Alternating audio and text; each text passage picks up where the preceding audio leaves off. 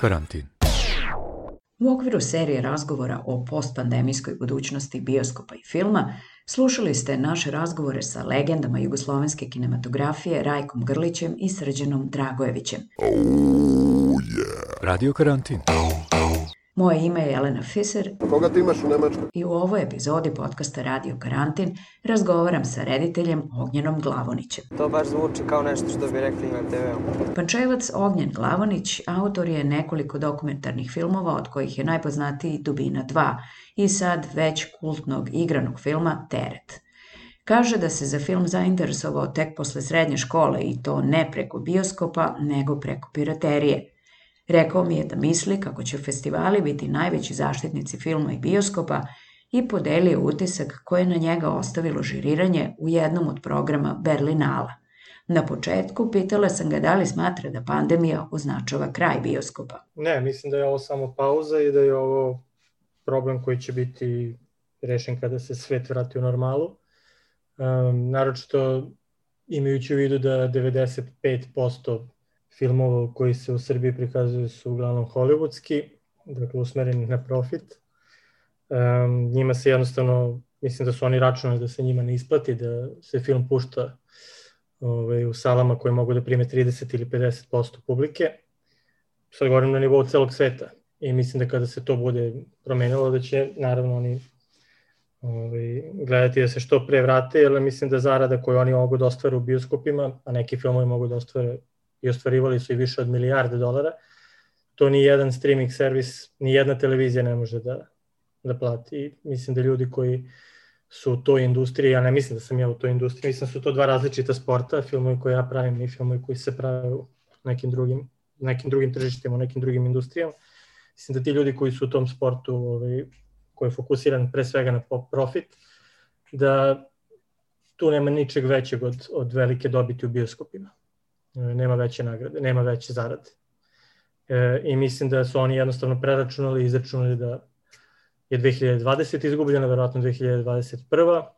I da će se to, kako se svet bude vraćao normalno, naravno da će se filmovi vraćati u bioskopi, da će se bioskopi otvarati. Um, ova druga strana medalje, dakle ne ti blockbusteri i filmovi koji su namenjeni široj publici, koji su usmereni na profit, dakle ti neki art house filmovi. Zanimljivo je, na primjer, da su u Njurku posljednjih pet godina svake godine sve više i više publike i da u posljednje dve godine, ovo, ovo znam iz razgovora sa ljudima koji vode tamošnje bioskope, koji puštaju e, takve filmove, nikad veća poseta i nikad veća zarada nije bila. Tako da te priče o kraju bioskopa i smrti bioskopa možda se možda najviše plasiraju oni koji ovaj koji misle na multiplekse, koji misle na bioskope, koji ovaj, puštaju određenu vrstu filma, a ovi neki drugi filmovi, neki drugi um, autori mislim da nisu toliko za, zabrinuti, jer znaju da bioskop nije samo multiplex. Naravno da to uvek zavisi od, od industrije i od zemlje i od e, ekonomije određene zemlje, od toga da li je ta zemlja, ovaj, sad kad pričamo o Americi, koja nema ministarstvo kulture, koja nema posebno telo koje se bavi, mislim postoji sad Šta, šta je problem? Uh, problem je što u Americi većinu tih većih filmova proizvode studiji. Svaki od tih studija je finansiran ili je podržan od strane nekih većih kompanija koje svoju dobit ostvaruju na Wall Streetu.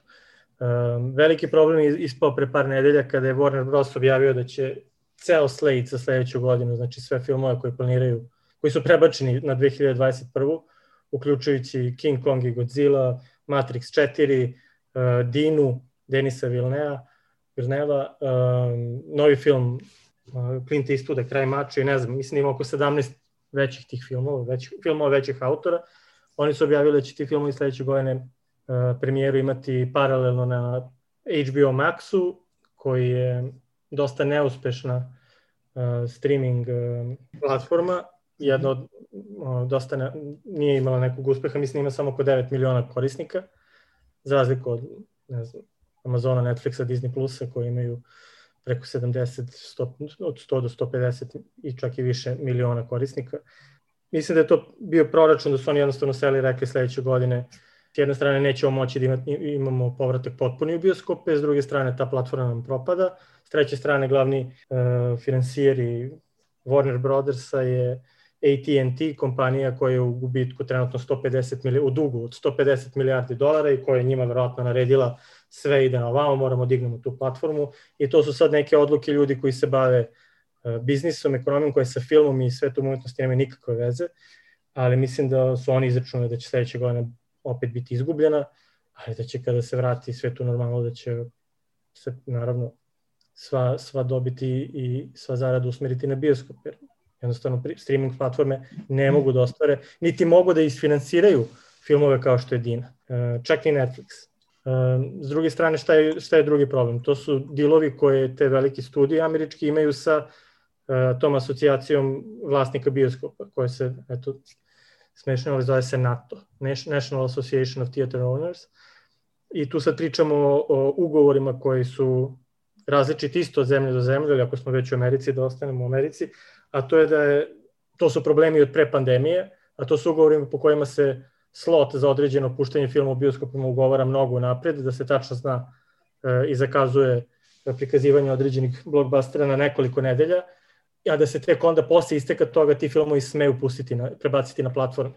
Šta je tu problem? Problem je što studio i producenti i distributeri posle dva ili tri dana prikazivanja određenih filmova u bioskopima već znaju da li taj film. Kao i, kao, kao i ostalom ljudi koji vode bioskop, oni posle tri dana ili dva dana već znaju da li će film biti gledan ili ne i da li im se isplati da taj film drže tri nedelje u bioskopima ili ne. I jednostavno taj window, wing, taj, taj prostor između uh, bioskopske distribucije i distribucije na platformama je sad uređen na taj način da se ne može tek tako prekinuti i prebaciti na platformu. Mislim da će do toga doći, da će tu biti velikih promena i da će se asocijacije uh, tih uh, ljudi koji vode bioskope boriti da se to promeni i naravno da su oni sad u problemu kao i u svim drugim industrijama koje se bave zabavom ili koji se bave uopšte, koje zahtevaju publiku, e, koje zahtevaju ljude u prostorima. E, mislim da su svi oni u velikim problemima trenutno i sad od države do države zavisi kako te probleme rešava. To jest koliko će zaštititi kompanije, koliko će zaštititi zaposlene, koliko će zaštititi... Mislim da to zavisi od države do države i da to nikako nije...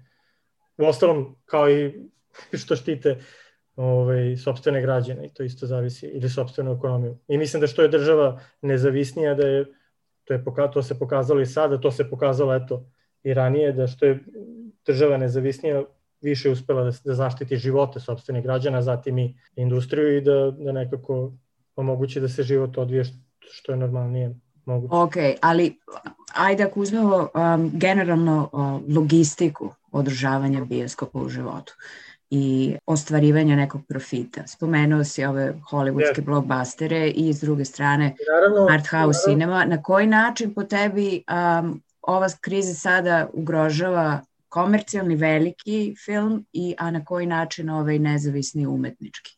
Njihovi životi u bioskopima, ali moramo krenuti od nastanka. Od opšte, moramo se vratiti na početak, to je kako se filmovi finansiraju, čiji je to novac, ko daje novac i tu postoji više problema i mislim da da filmovi čiji je nastanak finansira, finan, finansiraju državne institucije ili uh, neki fondovi koji su uh, na nivou, na primjer u Evropi, na nivou Evropske unije ili na nivou određenih zemalja, ti fondovi će opstati ili, ili će propasti u zavisnosti od ekonomije tih država i odluka ljudi koji se bave budžetom i koji budu odlučivali koliki će budžeti biti smanjeni za sledeću godinu ili za naredne godine, ali nekako u Evropi je film finansiran najviše od strane od novca Ministarstva kulture, to jest filmskih centara koji dobiju novac od Ministarstva kulture. I naravno od tih međunacionalnih fondova kao što su medija, kao što je Euroimage, kao što su razni drugi.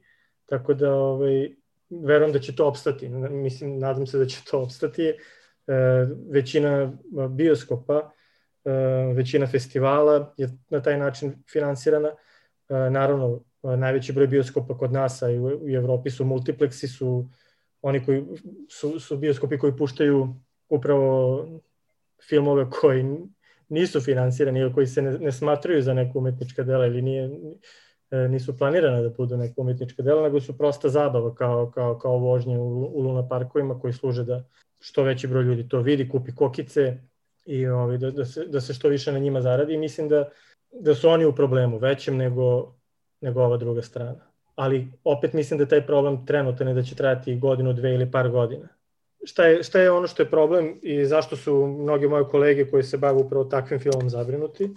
Kažem takvim, mislim na filmove koji imaju cilj da budu komunikativniji, da ih vidi što veći broj ljudi, da dođu do što većeg broja ljudi, što podrazumeva i veći broj bioskopa i prikazivanja i sala. To su ti ljudi e, u velikim kompanijama i velikim studijama shvatili da mogu da, da preseku i da odstrane veliku količinu novca koja odlazi na P&A. P&A su, to je, to je reklamiranje, to je zakup, e, to je sve što ide u, sve ono što ne ulazi u produkciju, ali što je e, zapravo neophodno da bi se film prikazao u bioskopu. To znači, uh, to su to, prints and advertising, znači to su kopije, fizičke kopije filma, koji se, koji se šalju u, bioskope, recimo da prosječan blockbuster u Americi kreće sa 5000 kopija, uh, i advertising, advertising što podrazumeva sve što je marketing tog filma, od reklama, mm. od, mhm. od uh, trailera, od uh, postera, od uh, putovanja ekipe, intervjua E, svega toga i prečesto su troškovi za to skoro jednaki troškovima produkcije filma. Dakle, ako film e, košta 200 miliona, može da se desi da, da troškovi marketinga budu i od 150 do 200 miliona mm -hmm. dolara. I tako da mislim da su studiji shvatili da u ovoj situaciji, naročito za sledeću godinu, tu mislim na Warner Bros., da jednostavno im se ne isplati da toliko ulažu u taj P&A, zato što nik, taj novac neće moći da povrate kroz bioskopsko prikazivanje i da su rešili da za sledeću godinu to jednostavno ne rade, nego da pokušaju da ožive tu i taj neki, tu neku streaming platformu koja se muči. Ali to je problem Hollywood, to je po meni problem Hollywooda koji traje već godinama, to je da se Hollywood fokusirao na, e, da, da, na, na sigurne stvari, znači ne pravi rizike. Šta to znači? Mm -hmm. To znači da većina filmova koje Hollywood proizvodi su nastavci ili remake-ovi ili uglavnom te dve stvari, ili rebootovi nekih prethodnih uspešnih uh, franšiza. Tako da, ovaj, mislim da je Denis Villeneuve koji je radio prvi deo Dine i koji se verovatno nada da će ta, ako taj film bude uspešan u bioskopima, da će doći do drugog, trećeg, četvrtog, petog dela. Uh, mislim da je on svestan da ako film krene na platformi, on neće moći, jako, jako se teško um, moći da se odredi šta je uspešno, a šta ne, to jest neće moći preko zarade izlaska i zaradu u bioskopima. Uh, s druge strane, način na koji on kao filmski autor i filmski umetnik stvara, on je taj film stvarao za bioskop i on je verovatno sada svestan da taj film možda neće funkcionisati toliko dobro na TV ekranu kao što bi mogao u bioskopu, to je da neće biti toliko gledan kao što bi mi mogu u bioskopima.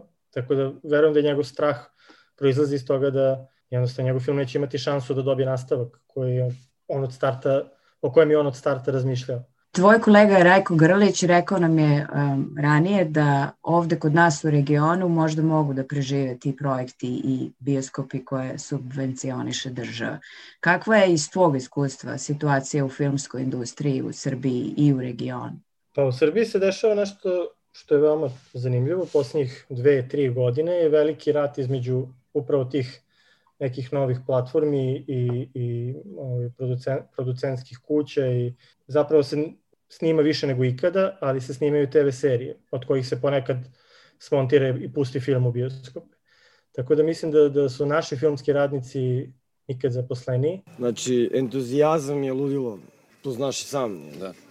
Znaš, pio si sedative zbog tog ludila. Nikad više posla nije bilo. E, što je negde možda problem za filmove koje ja pravim, koji su uglavnom osuđeni na mali budžet i na, na, na ovaj, krpljenje.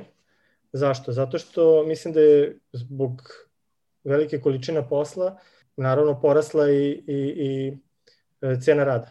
Tako da mnogi naši filmski radnici ne žele da radi ispod neke cene za koje znaju da mogu da dobiju od tih uh, produ, ovaj, producenskih uh, i distributerskih kuća koji, koji masovno snimaju i štancuju te serije, a da se novac koji se dobije ovde, a najveći financijer filmova u Hrvatskoj je Havc, najveći financijer filmova u Srbiji Filmski centar Srbije, koji već godinama, 10 godina u suštini, novac koji daje filmskim produkcijama ostaje negde isti. Uglavnom je to između 200, 300, 400 hiljada dinara, što je negde između 200 i 300, 350 hiljada evra.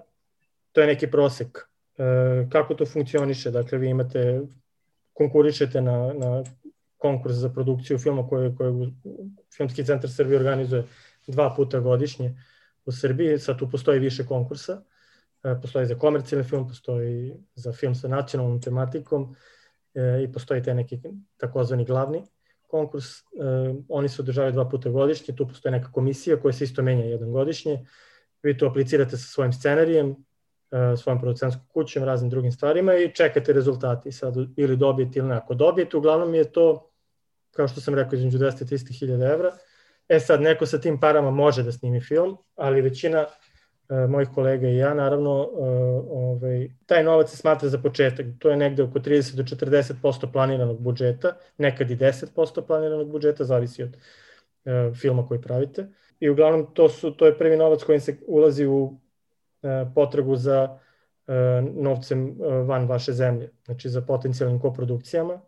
Uglavnom su to još jedna ili dve zemlje iz okruženja, to je iz, iz bivše Jugoslavije, i jedan veći koprodukcijni partner iz Evrope, uglavnom je to Francuska ili Nemačka.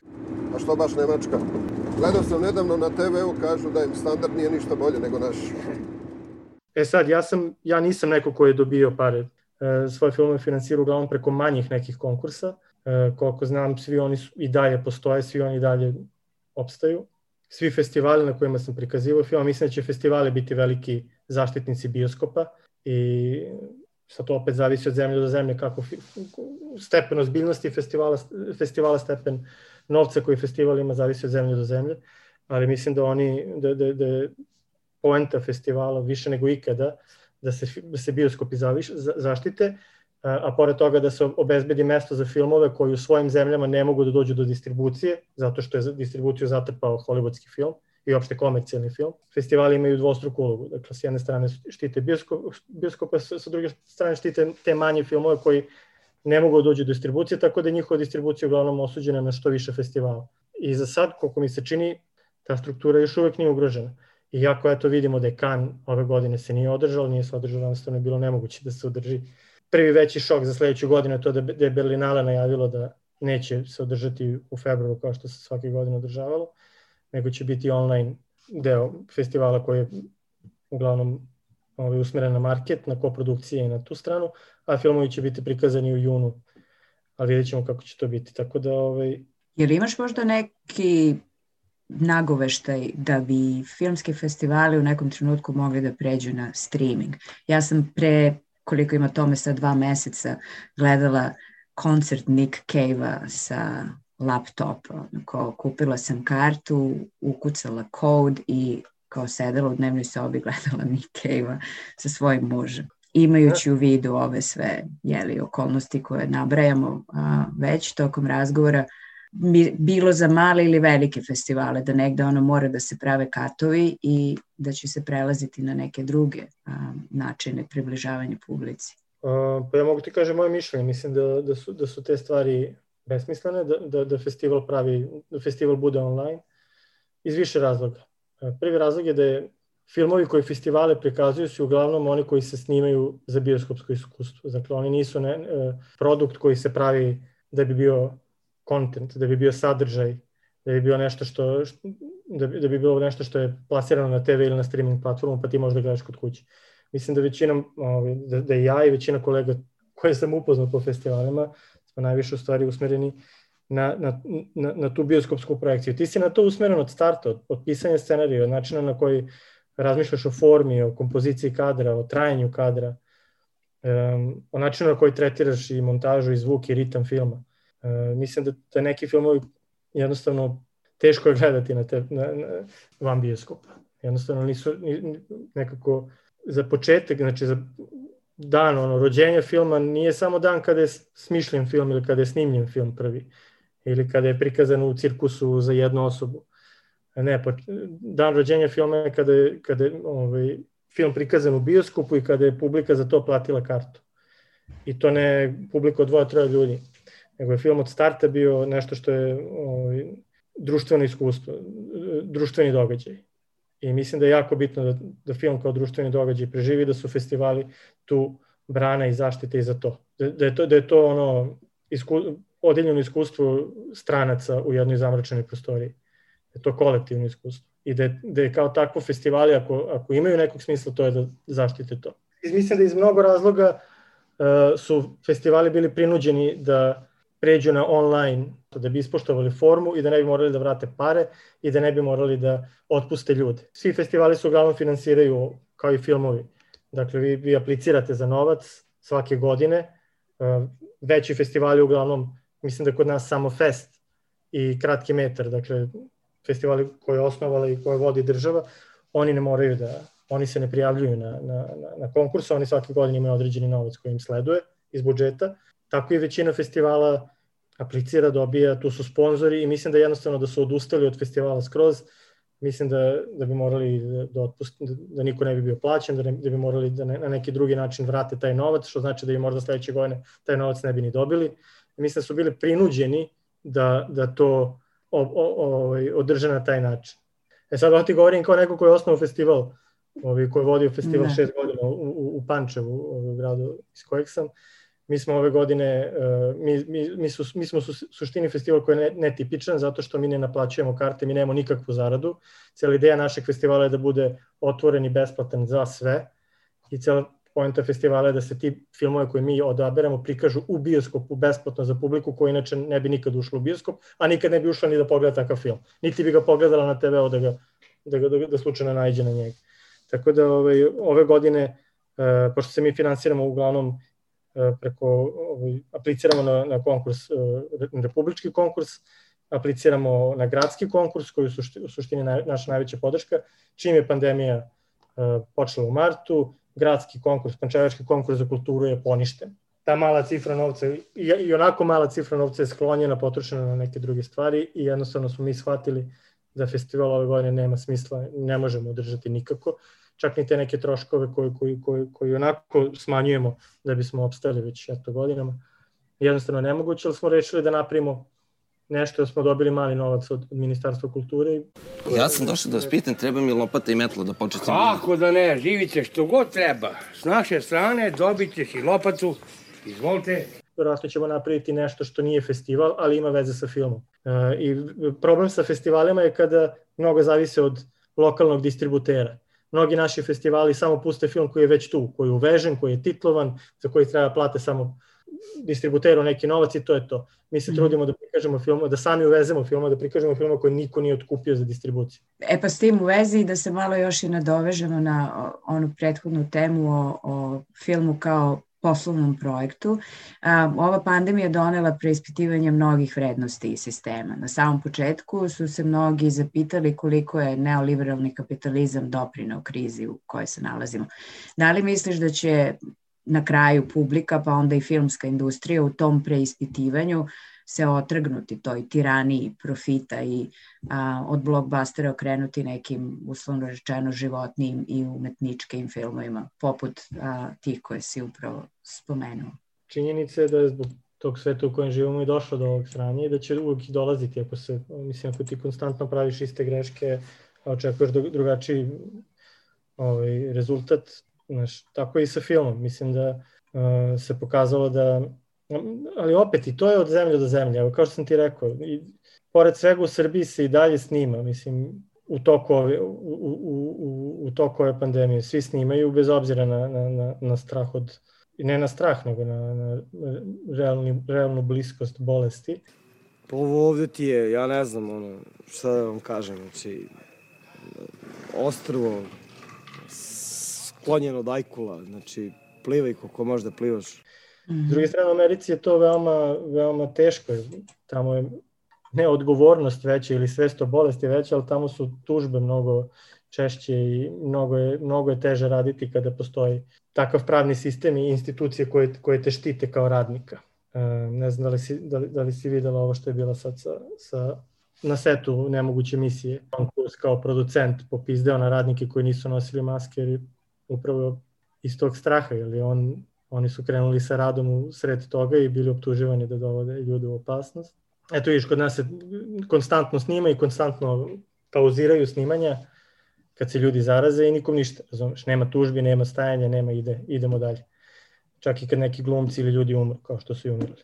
Tako da sa te, sa te strane zavisi od zemlje do zemlje, ali naravno da od, od dominantnog svetskog ekonomskog sistema zavisi ne samo naš život, eto videli smo koliko je ta želja da se želja za profitom dovela do, do, do, do, do nastanka uopšte te pandemije, širenja te pandemije. U tom nekom ratu između filmova koji su željni profita i ovih naših malih nekih drugih filmova koji, koji su nešto drugo, čini mi se da će, da će biti veće interesovanje za tim nekim art, ne, art, ne art house nego za, za, za filmove koji možda dublje tretiraju probleme i ne tretiraju ono čime se ne, ne tretiraju temu ili sadržaj ili, ili, problem kojim se bave kao nešto što je način da zaboraviš na problem, to je kao neku vrstu eskapizma ili ne znam ja, nego pokuša, pokušavaju da te angažuju kao, kao osobu više i da, da sa tobom komuniciraju na drugi način. Mislim da su u Hollywoodu veoma malo filmova i snima, bit će veoma malo novog sadržaja. Mislim da, da, da, da će ovi neki manji filmovi imati uh, više šanse. Zanimljivo da je u februaru ove godine prvi put u istoriji Oscar za najbolji film dobio južnokorejski film. Mislim da je to doprinalo do otvaranja i do većeg interesovanja ljudi za, za strani film, za, za film koji nije na tvom jeziku. I sa te strane mislim da, da, da, da su stvari počele da se popravljaju. Koje je tvoje prvo, a koje je najveće bioskopsko iskustvo? Da, čudno je, zato što ja sam se za film zainteresovao tek nakon srednje škole. Dakle, mene film nije nešto zanimao ranije, zanimala me samo muzika. I ja sam se zapravo za film naukao ne zbog bioskopa, dakle ja nisam u gradu u kojem sam živo bio u to vreme jedan bioskop koji nije, nije bilo festivala, taj bioskop nije puštao nešto neočekivano i nepredviđeno, nego je puštao upravo ono filmove koje meni nisu bile zanimljive, to su hollywoodski filmovi. I ja sam se zapravo zainteresovao preko piraterije, dakle kada je bilo moguće doći do e, velikog broja starih filmova koje, koje, ovaj, koje nisi imao gde da vidiš. I zapravo mislim, cela moja generacija, da nije bilo interneta i te piraterije i količine filmova koja odjednom postala dostupna, opet nije to bilo tako brzo i lako kao što je sad, ali sa rezanjem diskova, menjanjem, sa mrežom. Ovaj, e, zapravo ja sam se eto, preko toga navukao i to su neki filmovi, ne znam, to je bila Paklana pomoranđa Kubricka, Razorhead, Davida Lynča, e, Dumbailo, Jarmusha, ne znam, tako tih, došlo do tako tih nekih par filmova pogledao to, pogledao to i to je bilo kao da, da sam prvi put pogledao film u životu. Sad sam, ono što sam ti rekao, sad sam to neki drugi sport. Da to nije, da, kao što je ovaj, se i ne znam, i, i futbal i, i košarka i, i tenis igraju sa loptom, ali nisu isti sport, tako mislim da su i neki, neki filmovi o kojima sad pričamo i industrije o kojima pričamo, to su jednostavno druge, ne da nije, da, da, da, ne, ne da nije iste liga, nego nije, nije staro liga, nije isti sport. Od jednog druga Čićala je bio, otac je bio ono, bavio se piraterijom i prodavao na pančevačkom buvljaku ono, piratske CD-ove i onda dođem kod njega, zbog muzike smo se sve najviše družili, i onda kod njega gledamo tako neke gluposti i onda od njega uzmem neke filmove i pogledam i znaš, nisam znao nikoga iz sveta filma, nisam, tako sam krenuo da, da se za to zanimam. Jel se sećaš prvog ono wow um, bioskopskog momenta? Kažem ti, ja, ja sam odrastao ono 90-ih, tad nije, ono, možda sam pet puta bio u bioskopu ono, u djetinstvu. Okay. Ne više. To su bili, ne znam, gledao sam Mr. Bean, gledao sam, ne znam, on, domaći film, Lepa sela, Lepo gore i tako neke stvari. Znači, nije, nije, eto, ma, kad sam bio, sorry, u tim nekim godinama, kada se nisam interesovao za film, najviše me oduševila bila, i to je bilo zanimljivo iskustvo, Magnoli od Paul Thomas Andersona, Sećam se isto u Pančevu je to bilo i to je bilo nešto nas dvoje, troje u bioskopu samo i ali taj film eto to to je bilo to je bilo veoma zanimljivo. Naročito kad smo ušli to je bilo bilo je suvo vreme kad smo izašli bio neki potop a i u filmu ima jedna veoma zanimljiva scena sa padanjem ne kiše nego nekih drugih životinja ali eto to je to je to je nešto što mi je ostalo.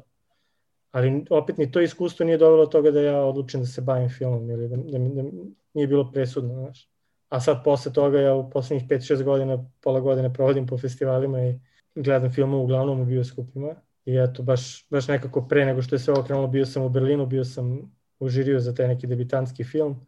I tu sam u 7 dana pogledao 35 filmova u bioskopu, tako da ovaj, i kad sam se vratio kući ovo je krenulo, tako da eto, to, celo, celo to iskustvo žiriranje na tako jednom velikom festivalu gde su sve projekcije pune, to je poslednje da mi nešto, da mi je ostavilo baš, baš dobar utisak. Da čak i neki filmi koji možda nisu dobri kada ih gledaš u punom bioskopu postanu, postanu zanimljiviji. Jel osjetiš ovog pored sebe, kako diše, kako reaguje na stvari.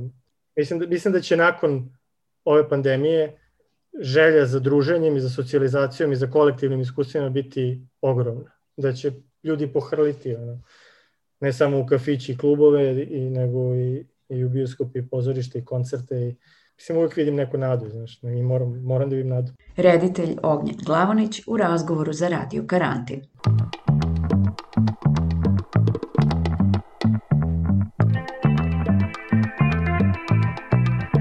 Radio Karantin.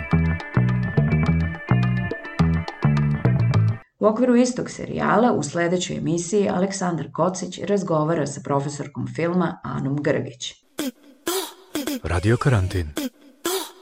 Umeđu vremenu želim da vas zamolim za dodatnu pažnju i pozovem da novčano podržite Radio Karantin. Slušaj, Jimmy, Naš rad u potpunosti zavisi od vaše finansijske podrške koju možete da nam pružite jednokratnom uplatom preko Paypala ili postanete naš stalni donator preko Patreona. Detaljnije o tome na našem sajtu radiokarantin.eu. Izvolite, U martu se bavimo sebičnošću u vreme pandemije i o tome razgovaramo sa profesorima Filozofskog fakulteta Ildiko Erdeji i Draganom Popadićem. A imamo i sjajnu ekipu roditelja na potezu Chicago, Dubai, Beograd, Berlin, sa kojima pričamo o čarima i morama roditeljstva u vreme online nastave. Pa tu ćemo mi da budemo.